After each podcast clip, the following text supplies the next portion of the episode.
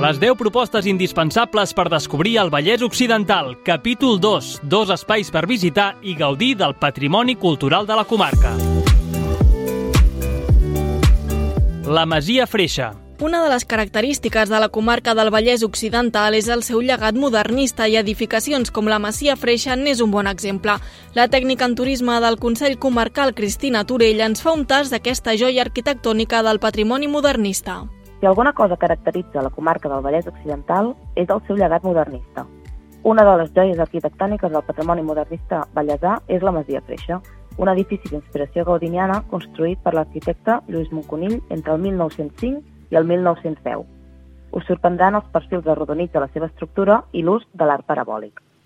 La masia va ser edificada sobre l'estructura d'una antiga fàbrica tèxtil de l'industrial Josep Freixa, que, posteriorment, la va reconvertir en la seva residència familiar. La masia Freixa actualment acull l'oficina de turisme de Terrassa.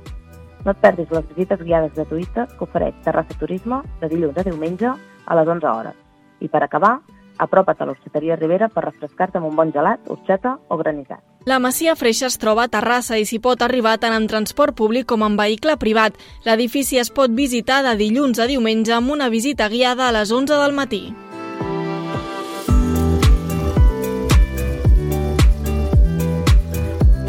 La Seu d'Ègara. La Seu d'Ègara es tracta d'un conjunt monumental únic a Catalunya i que compta amb més de 2.500 anys d'història. Entre les seves edificacions s'hi pot trobar un patrimoni arqueològic i artístic de gran valor històric. La Cristina Torella ens explica què té d'especial aquest espai. La Seu d'Ègara es troba al vell mig del Parc de Vallparadís, sobre el turó on hi ha l'antic nucli de Sant Pere de Terrassa. Es tracta d'un conjunt excepcional dins del patrimoni històric i artístic català. En aquests moments està en marxa la seva candidatura per obtenir la distinció de Patrimoni de la Humanitat, que atorga la UNESCO, basada en el caràcter únic i universal d'alguns elements singulars que conserva.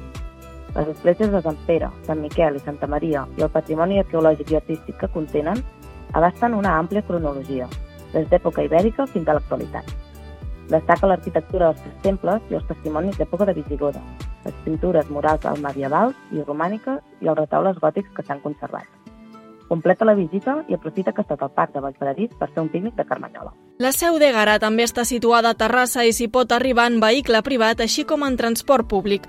L'espai es pot visitar de dimarts a diumenge per un preu de 7 euros per persona. A més, el tercer dissabte de cada mes es realitza una ruta turística pel patrimoni arqueològic, històric i artístic de la Seu. Doncs posem el punt final al segon capítol de propostes per gaudir del Vallès Occidental coneixent una mica més l'oferta cultural de Terrassa. La pròxima setmana descobrirem dues propostes noves.